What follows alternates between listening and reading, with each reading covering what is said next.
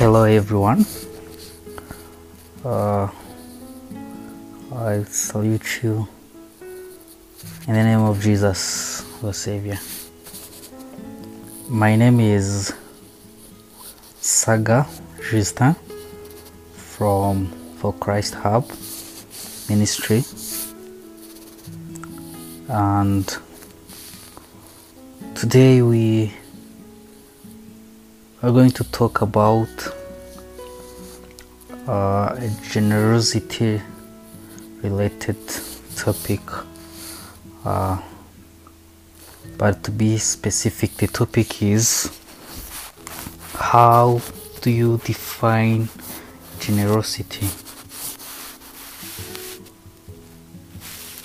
I hope through this God will bless us and will transform us and mold us into generous people He intends us to be.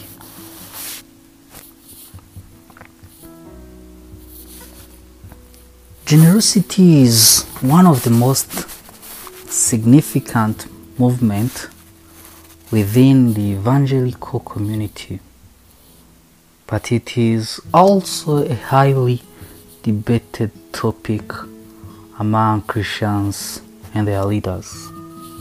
We've seen divisions in church due to maybe how the church leaders are mobilizing funds, mobilizing uh, resources for charitable works, and sometimes uh, Christians think or presume that there are always misuse of those funds. But how we understand generosity role in the lives of believers and our surrounding communities may say more about our understanding of the gospel than any other single facet of our faith. Jesus said it well they will know you if you love them as I loved you.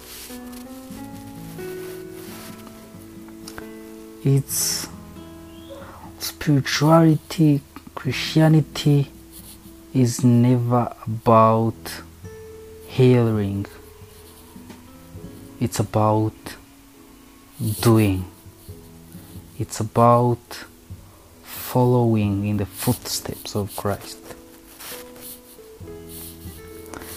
Generosity is at its core a lifestyle in which we share all that we have, all that we are, and all that we will ever become as a demonstration of God's love and a response to God's grace. A church cannot merely talk about generosity, nor can individual Christians simply commit to being generous. For generosity to be a real and powerful witness to God's love, our actions are of much significance. If we want to demonstrate God's love and if we want to respond to God's grace, our actions will speak volume. Our actions will set us apart our actions will show a difference. Generosity flows from an understanding that all we have, all we are, and all we will ever become is not ours to possess. Generosity results in practically sharing with others what we've been given for the advancement of the kingdom and the glory of God. Amen and amen. We don't become generous to attract attention, to attract respect, to attract recognition, to attract people's applause. We do be generous to call, to invite our brothers and sisters outside there. We do it for the advancement, for the gospel advancement,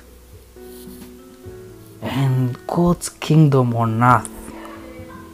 And we do it above everything for God's glory.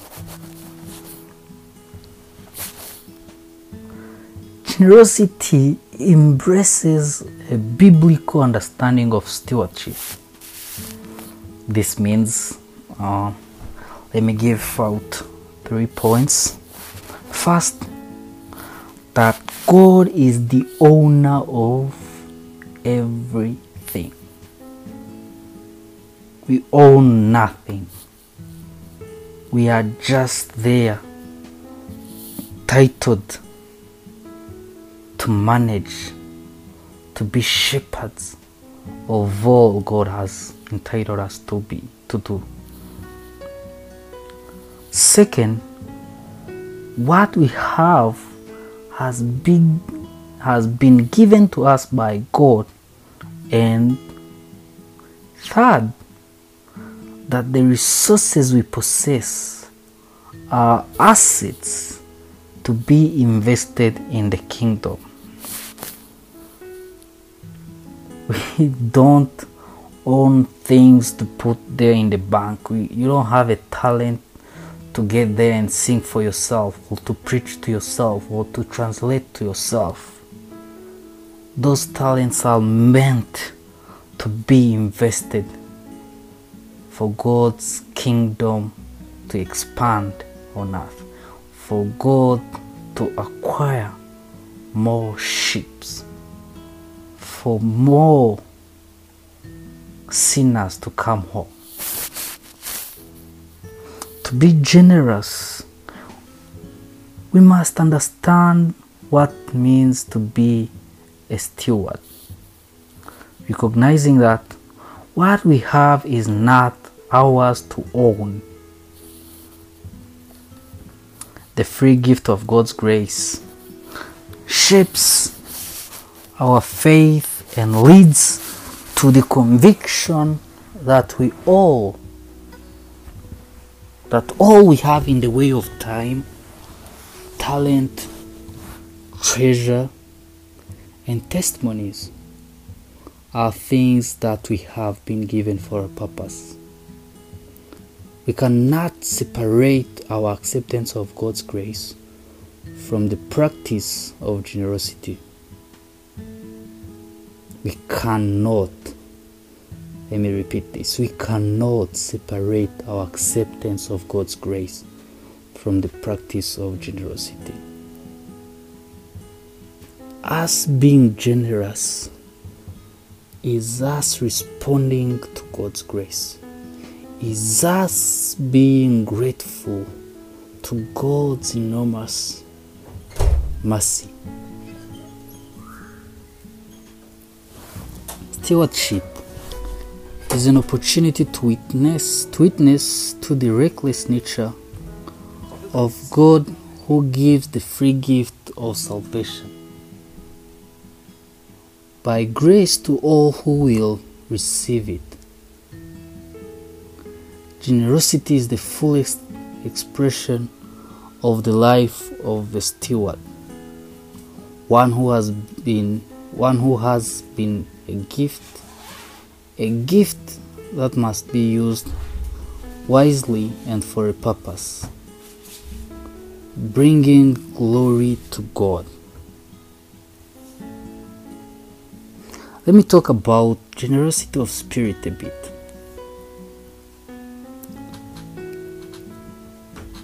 Generosity of spirit is the openness and willingness to share freely with others, joyously and without expectations of receiving anything in return. Generosity of spirit is created through respect and compassion for others. It involves experiencing and celebrating that which is important to another person. True gospel is never and will never be about us. However much salvation is personal, God has commissioned us to bring in more sinners. So I want to ask you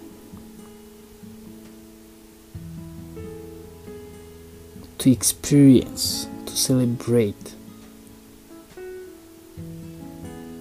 something which is important to another person.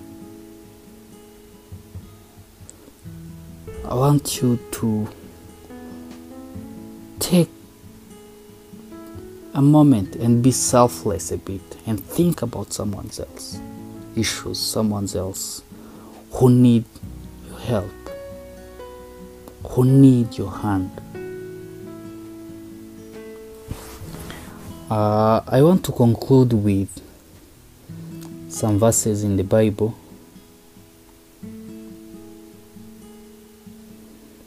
i will start with uh, the verse in Acts chapter 20, verse 35. It says, In all things I have shown you that by working hard in this way, we must help the weak and remember the words of Lord Jesus, how he himself said, It is more blessed to give than to receive. However much we may wish, we will always have weak people. We will always have poor people. So, in as much as you work hard, in as much as you think you deserve what you have, you are commissioned to help the weak.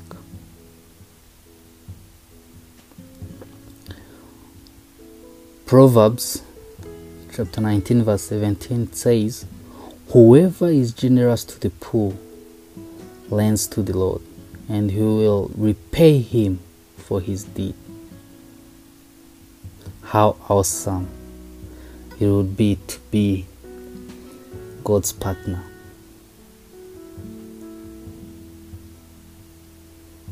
But this is something I want you to meditate on as Christians. Matthew chapter 6, verse 21 says, For where your treasure is, there your heart will be also. Where do you want your heart to be? Where do you want your thoughts to be? Because money, the Bible says, money is the source of all evil. Let me add this is the source of all anxiety is the source of all the panics. So, where do you want your treasure to be?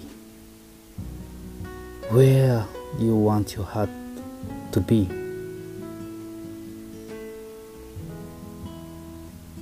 Matthew chapter 10, verse 42 it says, And whoever gives one of these little ones even a cup of cold water because he is a disciple, truly I say to you, he will by no means lose his reward.